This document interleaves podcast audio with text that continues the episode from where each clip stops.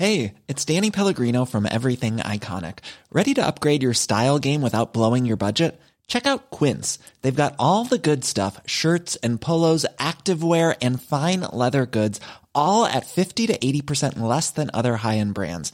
And the best part? They're all about safe, ethical, and responsible manufacturing. Get that luxury vibe without the luxury price tag. Hit up quince.com slash upgrade for free shipping and 365 day returns on your next order. That's quince.com slash upgrade. Many of us have those stubborn pounds that seem impossible to lose, no matter how good we eat or how hard we work out. My solution is PlushCare. PlushCare is a leading telehealth provider with doctors who are there for you day and night to partner with you in your weight loss journey. They can prescribe FDA-approved weight loss medications like Wagovi and Zepbound for those who qualify. Plus, they accept most insurance plans. To get started, visit plushcare.com slash weight loss. That's plushcare.com slash weight loss. Ever catch yourself eating the same flavorless dinner three days in a row? Dreaming of something better? Well, HelloFresh is your guilt-free dream come true, baby. It's me, Kiki Palmer. Let's wake up those taste buds with hot, juicy pecan crusted chicken or garlic butter shrimp scampi. Mm. Hello Fresh. Stop dreaming of all the delicious possibilities and dig in at HelloFresh.com. Let's get this dinner party started.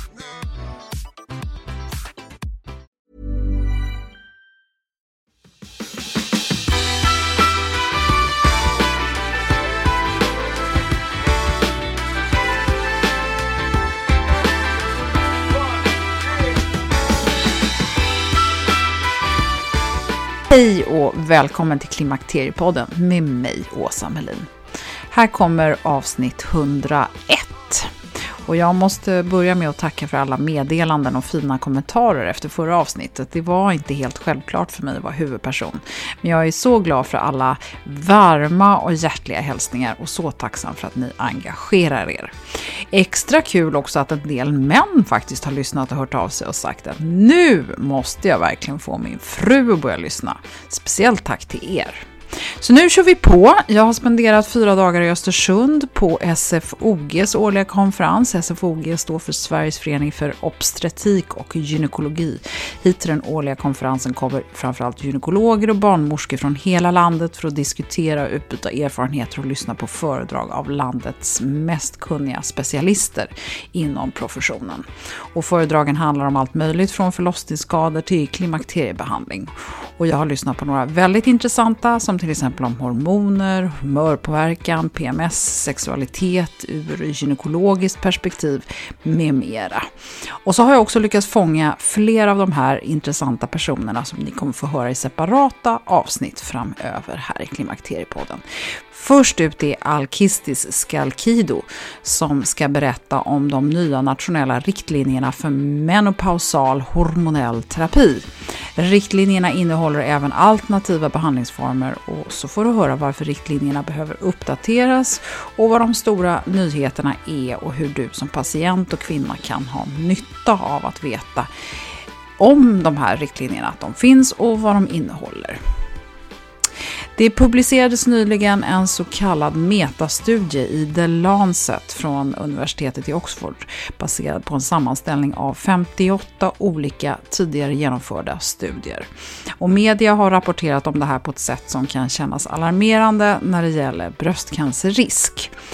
Eh, I avsnitt 103 så kommer ni få höra Tord Nässén som är senior professor på Uppsala universitetssjukhus och delaktig i den grupp som tagit fram de här aktuella riktlinjerna som det här avsnittet handlar om. Och han kommer berätta mer om risker och fördelar med hormonbehandling och dessutom kommentera den här studien. Han vill också göra oss uppmärksamma på att den här nypublicerade studien inte är ny data utan baserad på ett flertal studier som är gjorda med olika metoder och eh, de riktlinjer för klimakteriebehandling med hormoner som du får höra om här i avsnittet har tagits fram med all den här kunskapen, aktuell fakta och tidigare forskning som underlag. På Klimakteriepoddens Facebook-sida så finns det en rad olika länkar och kommentarer för den som vill läsa mer innan avsnitt 103 med professor Tord Nässén. Så välkommen att lyssna på det här avsnittet, 101 med Kistis Skalkido. Hjärtligt välkommen till Klimakteriepodden, Tack. Alkistisk Skalkido. Tack så mycket. Du är professor i obstetrik och gynekologi vid Uppsala universitet. Du är ordförande för den så kallade ARG-gruppen. Och du ser inte så särskilt arg ut. Nej. Men i just Svensk förening för obstetrik och gynekologi som förkortas SFOG. Och vi är ju nu på SFOGs årliga konferensvecka som i år hålls i Östersund. Och eh, när vi spelar in det här så är det helt färskt så att ni har presenterat riktlinjerna för hormonbehandling för klimakteriella besvär. För alla som var här eh, igår när ni gjorde den här presentationen och det är framförallt gynekologer, det är en del barnmorskor, men det är de som jobbar kliniskt i första hand. Exakt. Eh, och eh, då är ju ni en liten arg grupp. Ja. Berätta. Så ARG står för arbetsgrupp. Eh, så att det finns olika arbetsgrupper inom SFOG. Och de inkluderar de personer inom vår specialitet i Sverige som har mer kompetens inom en visst område. Till exempel det finns eh, en ARG-grupp för eh, perinatala sjukdomar, eh, en arkgrupp för gynekologiska benigna operationer och, och vår arbetsgrupp handlar mer om endokrinologi inom gynekologi och obstetrik. Eh, Så att det är det som ARG står för och vi är inte arga utan vi jobbar på. Ja, det är härligt. Så att ni är nu en grupp som har tagit fram eh, de här nya riktlinjerna. Och då har vi Angelica Lindén Hirschberg som de som är frekventa lyssnare för podden har hört i flera avsnitt. Vi har Tord Nässén som också har varit med. Eh, och som alla också har hört i podden och har möjlighet att höra framåt också.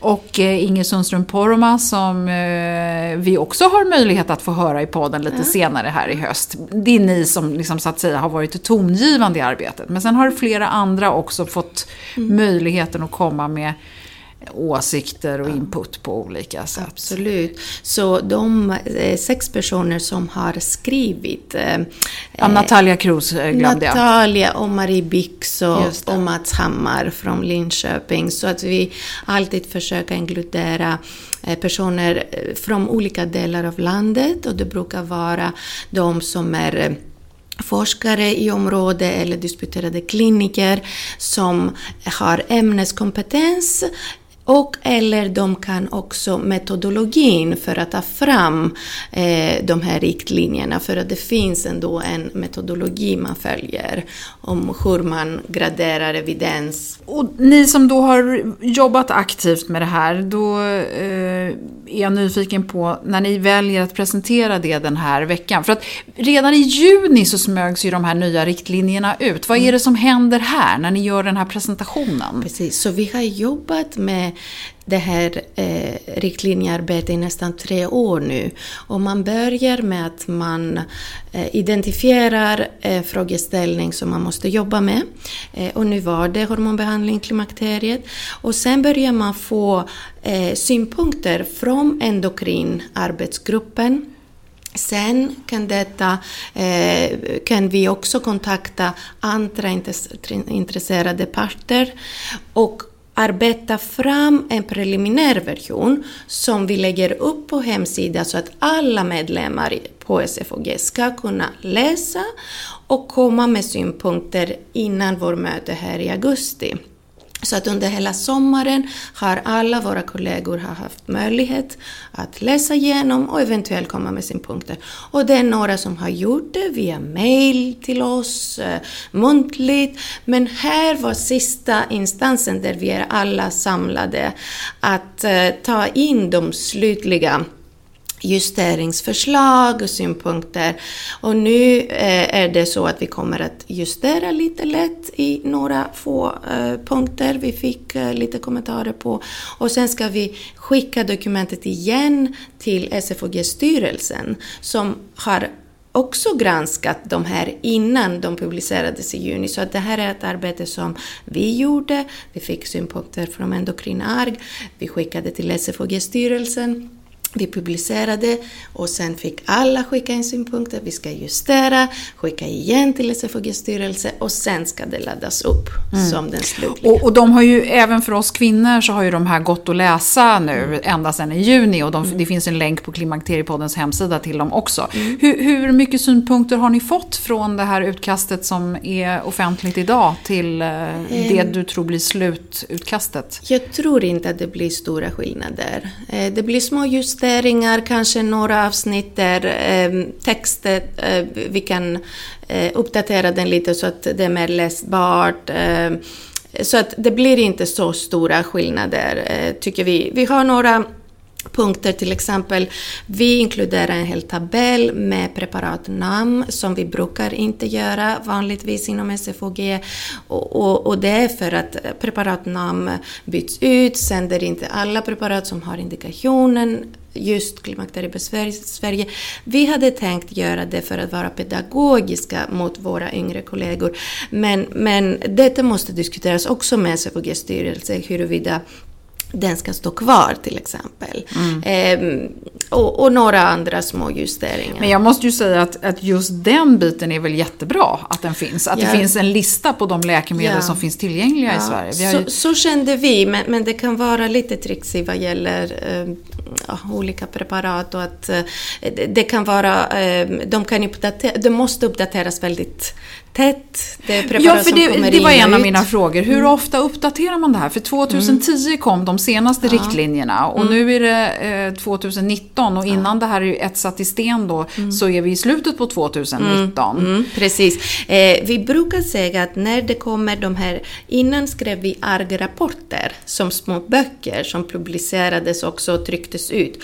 Nu när de är elektroniska, vi eh, vill gärna att de uppdateras varannan till var tredje år och det har vi gjort till exempel med riktlinjer kring tyroidea sjukdomar under graviditet. Alltså sköldkörtelproblematik. Mm, som också endokrinarg har jobbat med.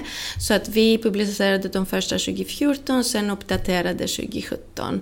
Eh, så att vi hoppas att vi ska kunna uppdatera det här vartannat år och kanske tabellen måste uppdateras varje år. Mm. Eh, därför kan det vara lite speciellt om man har en sån. Men, men eh, vi hade tänkt kanske i början, tills våra kollegor börjar känna igen preparat och så. Vi får diskutera med SFG-styrelsen mm. helt enkelt. Så, så när tror du att de, de skarpa riktlinjerna är offentliga? Jag hoppas inom någon månad eller mm. två okay. max. Mm. Men under tiden så kan man ju gå in och läsa de här Absolut. som finns idag och det kommer inte bli så stort. Men det som är stort då är ju att det, finns, eh, det fanns en anledning att jobba på de här och det mm. finns förändringar jämfört med riktlinjerna från 2010. Mm. Berätta, vad är de huvudsakliga skillnaderna? Ja, så eh, de, det har kommit ganska många studier efter 2010. Det har varit en period där alla har legat väldigt lågt efter de här stora studier som visade negativa resultat och tyvärr var de väldigt felaktiga studier. Eh, så att det har varit en period där man har legat lågt. Men, men sen har det börjat komma mer och mer studier som tyder till exempel på att det är extremt, extremt viktigt att man börjar i nära anslutning till själva klimakteriet med behandlingen. Annars kan behandlingen ha mycket mer negativa effekter. Men börjar man i anslutning så, så är de flesta effekterna positiva. Så att en av de saker som vi stressar i den här rapporten är att börja väldigt tidigt. Eh, helst inom så där, eh, kring klimakteriet och, och, och... Kring menopaus? Yes, kring menopaus. Eh, och säkert inom 5-10 år. Eh, där nu skriver vi tydligt att är det mer än 10 år efter, då, då måste man ha en väldigt, väldigt stark anledning att påbörja. För att det är då studierna har visat att eh, riskerna ökar. Så det är det. Sen har vi tagit bort det här som stod i 2010-rapporten om att eh, man ska behandla i fem år och inte mer. För att nu har studierna börjat visa att eh, det är inte... Ehm, eh, man kan faktiskt behandla för längre perioder. Mm. Så att det är en stor skillnad. Och den andra eh, av de eh, tydligaste skillnader är att vi börjar diskutera lite flera preparat i det här eh, i jämförelse med den äldre rapporten. I Sverige har vi haft en kultur att vi har använt syntetiska gestagener i behandlingen och vi vet hur vi arbetar med dem och de har väldigt bra eh, profil på många sätt. Men nu har det börjat diskuteras andra preparat som naturlig progesteron, dydrogesteron, vi använder mer och mer de intrauterina spiraler som också har väldigt eh, stora fördelar. Så att de preparat diskuteras mycket mer i den här rapporten. Så att kvinnorna och läkare är informerade om fördelar och nackdelar med var och en. Så kan de välja vad som är bäst. Mm. Nu säger du att det är läkaren, gynekologen, som ska välja vad som är bäst. Vilket ansvar ligger på kvinnan och vilket ligger på gynekologen där? Nej, jag menade faktiskt att de här måste jobba ihop. Okay. Eh, både kvinnan och läkaren, mm. de måste jobba ihop. Eh, läkaren måste ge information, kvinnan själv måste säga till vad hennes önskemål är, vad, vad, vad hennes prioriteter är, vad, vad hennes risker ligger i familjen och så. Så att tillsammans kan de ta ett beslut på vilket preparat som blir bäst. Mm. För att det finns så många att välja på. Och, och vi inom endokrinar har inte sett att vi kan tydligt rekommendera den ena eller den andra. Eh, så att vi anger evidens för allt och så får eh, läkaren och kvinnan själva diskutera. Mm.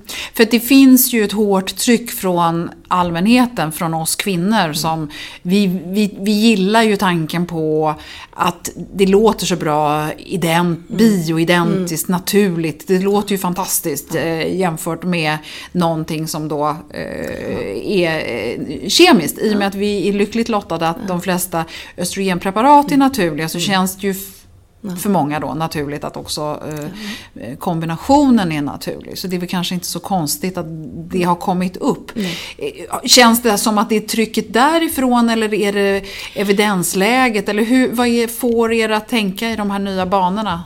Jag tycker att eh, nu har vi mycket mer evidens vad gäller de här preparat som vi inte hade 2010.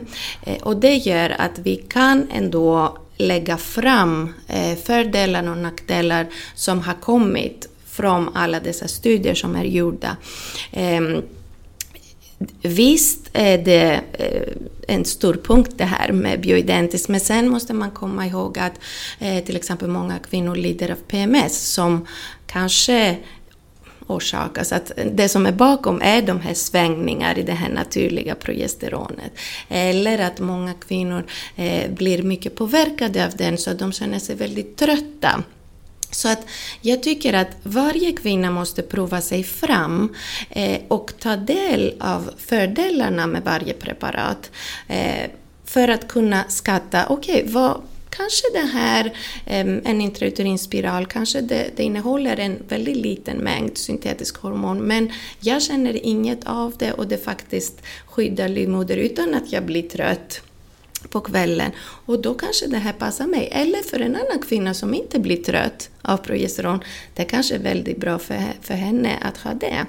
Eller för en annan kvinna som har anamnes på livmodercancer och är väldigt rädd just för det, då kanske hon behöver ha de här syntetiska som skyddar bäst livmoderslemhinnan. Så att det, det finns väldigt olika fördelar och nackdelar med alla de här tre alternativen. Och sen har vi dydrogesteron förstås, som också har sin profil, som, som inte är naturligt preparat, men det liknar naturligt progesteron också. Så att det här med hur syntetisk och hur naturlig allt är, det beror på doserna och det beror på alla effekter de har.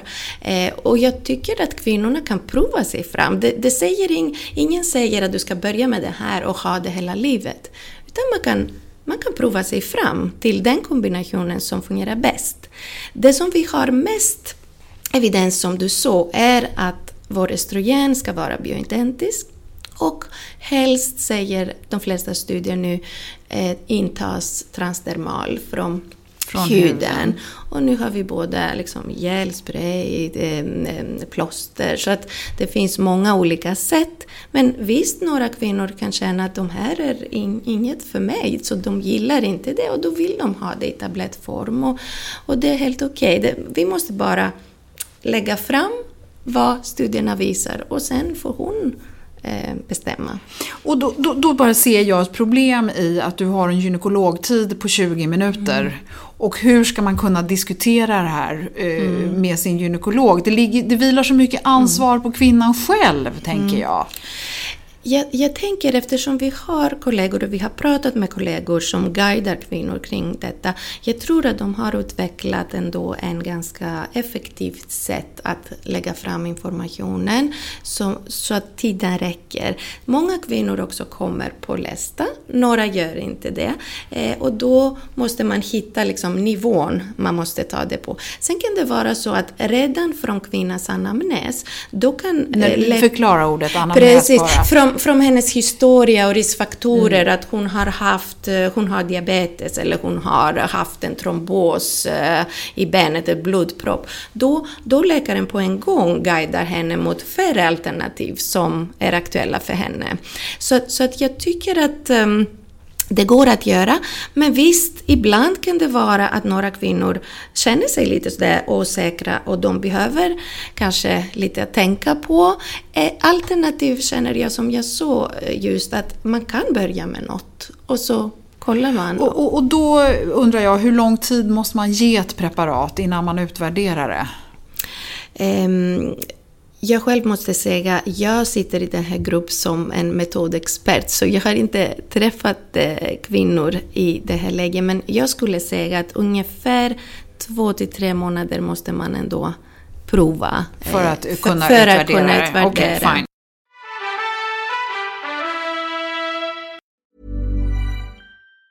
Even on a budget, quality is non-negotiable. That's why Quince is the place to score high-end essentials at 50 to 80% less than similar brands. Get your hands on buttery soft cashmere sweaters from just 60 bucks, Italian leather jackets, and so much more. And the best part about Quince, they exclusively partner with factories committed to safe, ethical, and responsible manufacturing. Elevate your style without the elevated price tag with Quince. Go to quince.com slash upgrade for free shipping and 365-day returns. Hiring for your small business? If you're not looking for professionals on LinkedIn, you're looking in the wrong place. That's like looking for your car keys in a fish tank. LinkedIn helps you hire professionals you can't find anywhere else, even those who aren't actively searching for a new job but might be open to the perfect role. In a given month, over 70% of LinkedIn users don't even visit other leading job sites. So start looking in the right place. With LinkedIn, you can hire professionals like a professional. Post your free job on linkedin.com slash achieve today. Hold up. What was that? Boring. No flavor. That was as bad as those leftovers you ate all week. Kiki Palmer here, and it's time to say hello to something fresh and guilt-free. Hello Fresh. Jazz up dinner with pecan-crusted chicken or garlic butter shrimp scampi. Now that's music to my mouth. Hello Fresh. Let's get this dinner party started. Discover all the delicious possibilities at hellofresh.com. Det är härligt att klimakteriets tabu äntligen är på väg bort. Vill man försöka klara sig utan hormonbehandling så finns nu många nya kosttillskott som lovar bland annat hormonell balans och som ska stötta brister. Jag vill lyfta min räddare i nöden, femarell. Det har inte bara varit min utan många andra kvinnors räddning i över 20 år. Och med lång tid på marknaden, med nöjda användare, dessutom med 20 forskningsstudier så vågar jag säga att det kan vara en god idé att prova femarell. Femarel finns på apoteken och i hälsokostbutiker. Tack Femarel som varit min samarbetspartner i många år.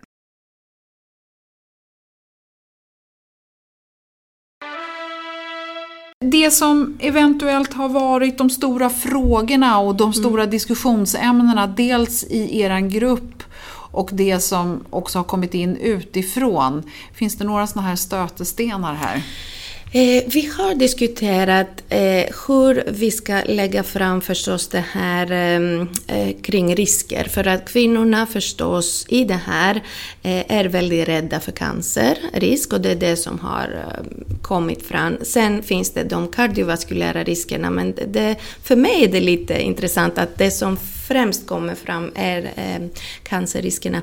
Eh, och vi har två huvudtyp av cancer som kan vara aktuella med de olika preparaten. Det är bröstcancer som är mycket mer vanlig och sen vi har um, eh, Endometri, endometriecancer, ja, livmodercancer. Ja. Precis. Och då har vi våra um, preparat de som vi har traditionellt använt i Sverige. Eh, de eh, visar en viss ökning i cancerrisk efter fem års användning och så Eh, för bröstcancer, men å andra sidan de, har, de, de skyddar mot livmodercancer. Däremot mikroniserat progesteron tvärtom visar att det kan vara sjö, eh, liksom det, det, är mindre risk för bröstcancer, speciellt de första fem åren. Men eh, det, det är mycket mer oklarläge vad gäller skydd för livmoder. Eh, så det är en balansgång där och, och, man måste ta det med varje kvinna individuellt. Tar man progesteron också, man måste följa med ultraljudskontroller eh, som eh, har också varit en, en eh, fråga lite för att det finns skillnader fortfarande i landet. Hur mycket eh, läkartider det finns och, och hur lätt det är att ha ultraljudsenheter eh, norrut. Eh, så att det, det, var också en fråga. Eh, först var det det här att, att på pedagogiskt sätt försöka eh, visa det här skillnader i cancerrisken. Sen var det här, ska vi begära att alla gör en ultraljuds-gynekologisk undersökning innan man börjar eller inte. Eh, sen har det varit lite lite andra eh, punkter, men, men jag tror att alla som har jobbat inom det här fältet och uh, har givit synpunkter har varit extremt engagerade. De kom med alla nya studier i området. Eh, så, så, att jag tror vi har jobbat fram en ganska realistisk förslag som eh, har anpassats till hela landet för, för att det är det också, om det är nationella riktlinjer, det måste vara ändå någonting som kan ändå levereras i hela landet. Ja, helst. och då känner jag att vi var inne på det nu när du sa det här med ultraljudsundersökning. För ja. det är inte, de flesta mm. kvinnor som mm. jag har kontakt med som bor utanför storstäderna, mm. de mm. kommer inte till en gynekolog utan Nej. de kommer till en läkare i ja. primärvården. Precis. Och då ska det vara något fel för ja. att du överhuvudtaget ska bli Precis. remitterad till en gynekolog och få en ultraljudsundersökning. Hur, hur ska man tänka då som kvinna? Exakt, så egentligen är det så att eh, så har det varit i Sverige innan och eh, man vill gärna ha en ultraljudsundersökning och gynekologisk undersökning om det är någonting som är fäll, fel, vaginal blödning eller trycksymptom och så. Så att vi har skrivit gynekologisk undersökning om indicerad. Eh, så har vi skrivit. Eh, sen kvinnorna går också på sina cellprovskontroller och så, då blir det en eh, gynekologisk undersökning förstås utan ultraljud, men, men ändå. så att vi har skrivit på det sättet mm. så att det kan anpassas till, till hela mm. landet. Så provtagning och, och ultraljudsundersökningar är absolut inte nödvändigt för att starta en hormonbehandling? Nej. Utan det, indikationerna är hur du mår? Exakt, exakt. Om det finns en speciell symptom från området som gör att man blir ändå lite misstänksam. Då ska man eh, mm. gå vidare och mm. undersöka. Okej. Okay. Eh, jag tycker att det är spännande också med, med eh, det här med gynekologers intresse för det här med hormonbehandling. För det, jag vet att Angelica Lindén Hirschberg som har varit med i podden tidigare, hon, hon sa vid något tillfälle att det finns en förlorad generation. Mm. Eh, och jag kan tänka mig att, med tanke på att du är lite yngre än många av de här professorerna är, att du har in, det har inte varit någon efterfrågan i Sverige eh, under 2000-talet. Så det är 20 års kliniskt arbete Precis. utan hormoner. Alltså vad, ja. vad händer där ute?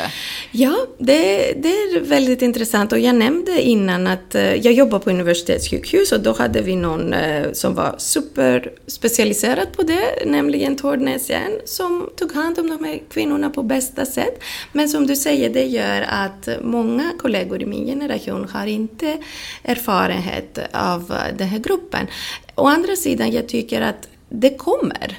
Eh, det, vi har börjat här med en stor presentation eh, på, på den här veckan och vi kommer att fortsätta förhoppningsvis eh, på varje SFOG-möte ha något kring detta. Vi, kan, vi också har en kurs som alla våra ST-läkare går i, så att vi har börjat utöka vår föreläsning kring eh, klimakteriebehandling. Så att jag tror vi bygger upp ändå kompetensen.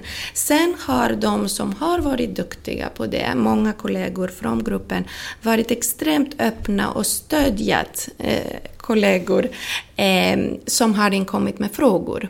Så att jag tror det är en positiv med SFOG att eh, genom att vi identifierar vilka personer är duktiga på vad, eh, då kan alla mejla Okej, okay, så man har något stöd? Ja. ja. ja. Så att om jag som kvinna är väldigt påläst och kommer till en gynekolog som ja. så att säga inte riktigt vet vad jag pratar om, då kan den få, gynekologen få, kan få stöd från SFOG? Absolut, för alla riktlinjerna är nu publicerade så att eh, de är öppna så kan de gå in och läsa. Och där, vi har skrivit ganska straightforward eh, vad man ska tänka på att göra. Men man har alltid stöd av endokrinarg, de kan alltid höra av sig till oss och då besvarar vi frågorna. Mm.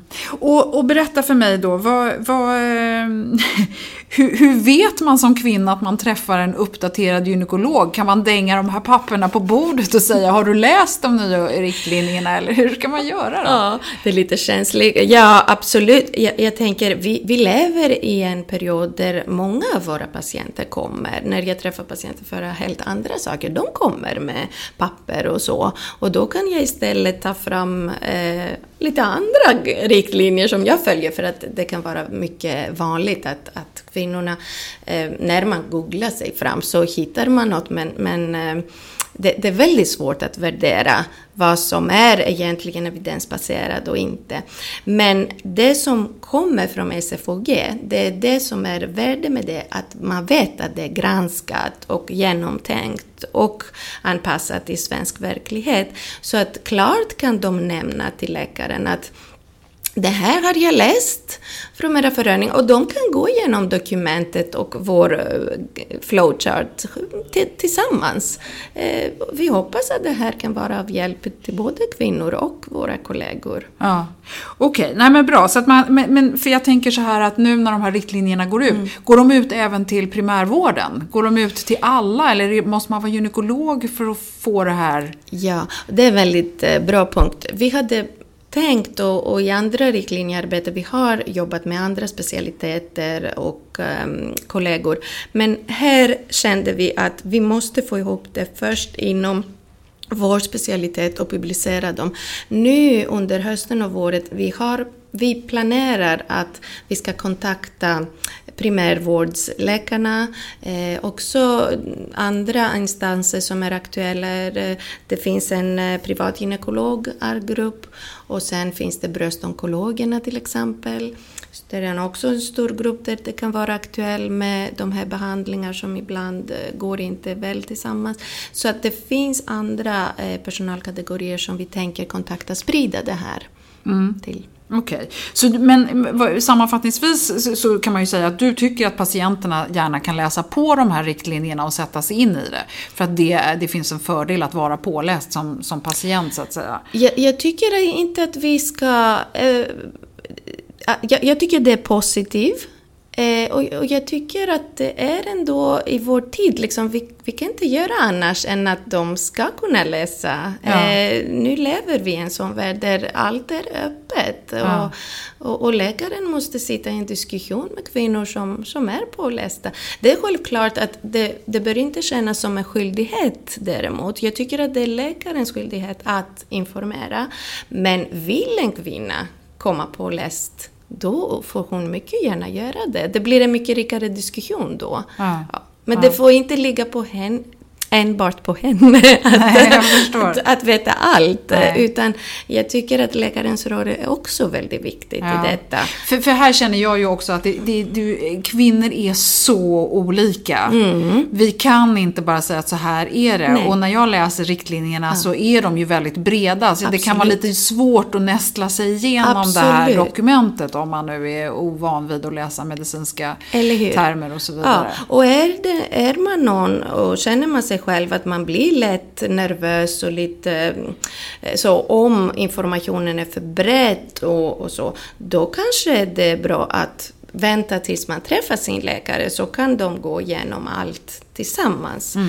Eh, men, men, eh, jag tror inte att det är någon idé med att vi försöker stoppa kvinnorna från det här, inte alls, utan de som vill får gärna. Få. Mm. Nu, nu har ni också ytterligare en sak. Förut har man ju pratat om HRT, Hormone mm. Replacement Treatment. Och det har ju blivit ett väldigt brett mm. begrepp nu, mm. för det använder man eh, inom många områden. Mm. Då har ni istället valt att det ska kallas för MHT. Mm. Och då eh, är jag bara nyfiken på eh, dels vad står det för och är det här inte är det någonting som bara är svenskt uttryckt eller hur fungerar ja, Nej, utan det kommer från eh, internationellt att det börjar kallas mer och mer för menopausal hormonal treatment. Eh, innan var det hormonal replacement therapy eh, och då kanske där kommer andra grupper in som unga kvinnor som saknar äggstockar som måste också få eh, eller eh, patienter med könsdysfori som behöver också efter operationer hormonal replacement therapy. Så att eh, för att göra det lite mer specifikt, både internationellt och här i Sverige, har vi börjat använda MHT istället för HRT. Mm. Och då slutligen så är jag eh, intresserad av då, vad gör de kvinnorna där inte MHT är eh, mm. aktuellt? För nu pratar vi ju om hormoner. Yes, och det är några få grupper. Eh, med riskfaktorer som inte får ha eh, hormonbehandling. Eh, och det finns i vårt bakgrundsdokument eh, som eh, eh följer med den här sammanfattningen av riktlinjer eh, ganska mycket diskussion kring alternativa behandlingar Eh, de flesta i form av eh, de vanliga antidepressiva SSRI som också har använts med ganska bra resultat i det här sammanhang. Sen finns det allmänna livsråd som fysisk aktivitet genom endorfinerna har visat ha en positiv effekt och ökad muskelmassa och så. Sen finns det akupunktur, fytoöstrogener eh, som eh, är också eh, några preparat som har visat eh, att det finns en potential och, och där sammanfattar vi, eh, det, det, är inte så mycket bra evidens kring dem men vi försöker ändå eh, sammanfatta och det här är också väldigt individuellt. Det är väldigt viktigt däremot att eh, också prata med sin läkare för att det kan vara väldigt eh, mycket sådana, som, många sådana preparat som eh, ah, kanske, vi, vi, kan inte göra där en lista på alla för att det finns eh, så många. Så det är väldigt bra att, att, prata med sin läkare om, om man landar där istället. Ehm, så. så det finns en stor kapitel på bakgrundsdokumentet som vi behandlar även sådana eh, alternativa behandlingar. Mm. Vad bra! Det känns som ni har täckt in mycket vi har försökt. Vi har också ett avsnitt om androgensubstitution som eh, några kvinnor känner de behöver. För... Ja, då får vi prata svenska här nu. Då pratar vi om testosteron. Ja, precis. Om man behöver lite testosteronsubstitution. Ja, spännande. Det är många ja. kvinnor som pratar om det. Ja. De eh, får ett lyft i livet när de börjar ta östrogen men de mm. får inte tillbaka sin sexlust. Mm. Vitaliteten saknas. Det är mm. jätte jättemånga som ju Precis. pratar om det här. Det är superspännande. Yes. Vad säger ni om testosteron då? Ja, så det finns och vi anger också eh, evidensläge där. Det, är inte, det låter som det hjälper några, men kanske inte alla i de här aspekterna. Men det kanske är värt att prova. Det finns också några nya preparat, DHEAS och så, som vi också har eh, inkluderat och diskuterat. Så vi försöker ändå fånga allt det nya i området. Vi också har en kapitel om lokal behandling. För att många kvinnor, deras symptom är mer av lokal karaktär under livet och kanske då de behöver inte det här systemisk effekt, men det, det, är väldigt, eh, det är av stor hjälp för dem att få den här lokalbehandlingen, förebygga urinvägsinfektioner och andra symptom från underlivet. Mm. Mm. Tusen tack eh, Alkistis, det var väldigt informativt. Jag vill bara ställa en sista fråga. Mm. När vi pratar om hormoner och vi pratar om det på, på, på det här sättet mm. så får man lätt en känsla av att eh, det är något som alla kvinnor behöver. Vad, vad, är det, vad tror du? Eh, hur, många Om vi nu är en miljon kvinnor som befinner oss någonstans i klimakterieåren i Sverige, hur många av de här tror du egentligen skulle behöva eller må bra av att ta någon form av MHT? Ja, det står i lite olika eh, studier att eh, upp till 75 procent får några besvär kring klimakteriet, men det är inte säkert hur lång tid de kommer ha de här besvär och eh, hur många som kommer behöva hjälp. Jag, jag kan inte säga en siffra, men eh, jag, jag, tror säkert fler än de som får behandling idag. Mm. Eh, och, och, det måste man vara klar med att eh, nu lyfts hela det här negativa skuggan i det här. Eh, och, och, att det är viktigt att kvinnor söker, berättar om sina besvär och då får de eh, tillsammans med sin läkare bestämma eh, om de ska behöva prova för, mm. för några år det som behövs. Ja, vi har hört det lite tidigare, att till slut med, det finns inget duktigt i att låta bli. Nej. Ja. Nej. Nej, det tycker jag är bra att det kommer fram. Ja. Vad fint! Eh, har, eh, har vi missat någonting som du känner är, är viktigt att få fram här? Nej, jag, jag, tror att vi täckte ganska mycket. Jag, jag, är väldigt glad om att det här kommer upp och publiceras för att det har varit ett stort behov och vi har haft kontakt med många kvinnor som kände att de ville att vår profession eh, ändå uppdatera de här riktlinjerna och jag måste verkligen tacka hela gruppen och hela Endokrinarg och föreningen för all stöd i det här och, och vi hoppas kunna arbeta fram eh, uppdateringar förstås när det behövs. Ja, vad bra. Tusen tack. Ja. Eh, då, kan man nu eh, redan läsa eh, riktlinjerna som de är mm. och som jag nämnde tidigare, de finns på klimakteriepodden.se. De finns också på SFOGs hemsida mm. om man vill gå direkt ja. dit. Eh, sfog.se. Och eh, sen så ser vi fram emot när det blir absolut etsat i sten. Fast då blir det inte det, utan det kommer bli kontinuerlig uppdatering och det är fantastiskt. Det är så. Det är så. Mm. Ja, spännande. Ja. Tusen tack för att du kom till Klimakteriepodden. Ja, tack själva. Tack.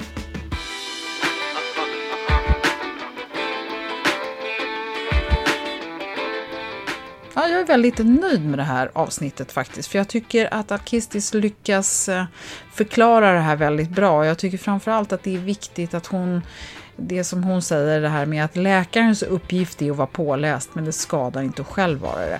Men dock är det inte din plikt som kvinna att vara det. Jag tycker också att det här med testosteron är spännande och många kvinnor visar intresse för det och vi kommer återkomma till ämnet här i Klimakteriepodden. Jag tror att det kommer ta ett tag innan vi upplever att de här nya riktlinjerna också fått fullt genomslag, framförallt ute i primärvården och hos allmänläkarna. Så vi får nog bereda oss på att det kommer bli lite trögt och alla gillar inte att ompröva sina egna idéer och arbetssätt. Men nu vet du att du kan eh, hitta riktlinjerna och eh, via klimakteriepodden.se så finns den här listan också på läkemedel som du kan kolla på. Och jag misstänker att vi kanske får hjälpa SFOG på traven och sprida alltihop lite grann ute i vården.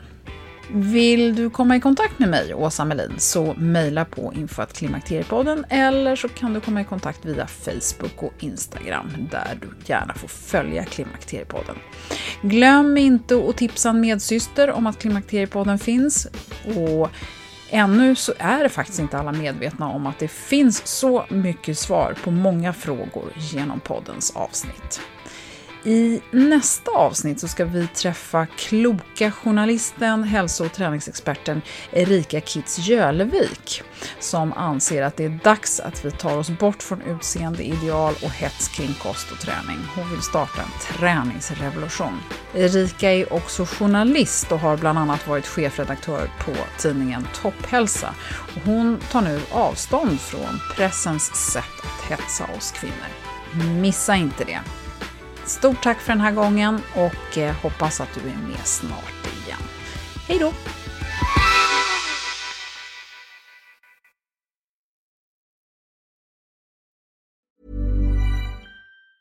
Hey, it's Danny Pellegrino from Everything Iconic. Ready to upgrade your style game without blowing your budget? Check out Quince. They've got all the good stuff, shirts and polos, activewear and fine leather goods all at 50 to 80% less than other high-end brands. And the best part? They're all about safe, ethical, and responsible manufacturing. Get that luxury vibe without the luxury price tag. Hit up quince.com slash upgrade for free shipping and 365-day returns on your next order. That's quince.com slash upgrade. Imagine the softest sheets you've ever felt. Now imagine them getting even softer over time. That's what you'll feel with Bowl and Branch's organic cotton sheets. In a recent customer survey, 96% replied that Bowl and Branch sheets get softer with every wash. Start getting your best night's sleep in these sheets that get softer and softer for years to come. Try their sheets with a 30-night guarantee. Plus, get 15% off your first order at bowlandbranch.com. Code BUTTERY. Exclusions apply. See site for details. Planning for your next trip? Elevate your travel style with Quince. Quince has all the jet setting essentials you'll want for your next getaway, like European linen, premium luggage options, buttery soft Italian leather bags, and so much more. And is all priced at 50 to 80% less than similar brands. Plus, Quince only works with factories that use safe and ethical manufacturing practices. Pack your bags with high-quality essentials you'll be wearing for vacations to come with Quince. Go to quince.com/pack for free shipping and 365-day returns.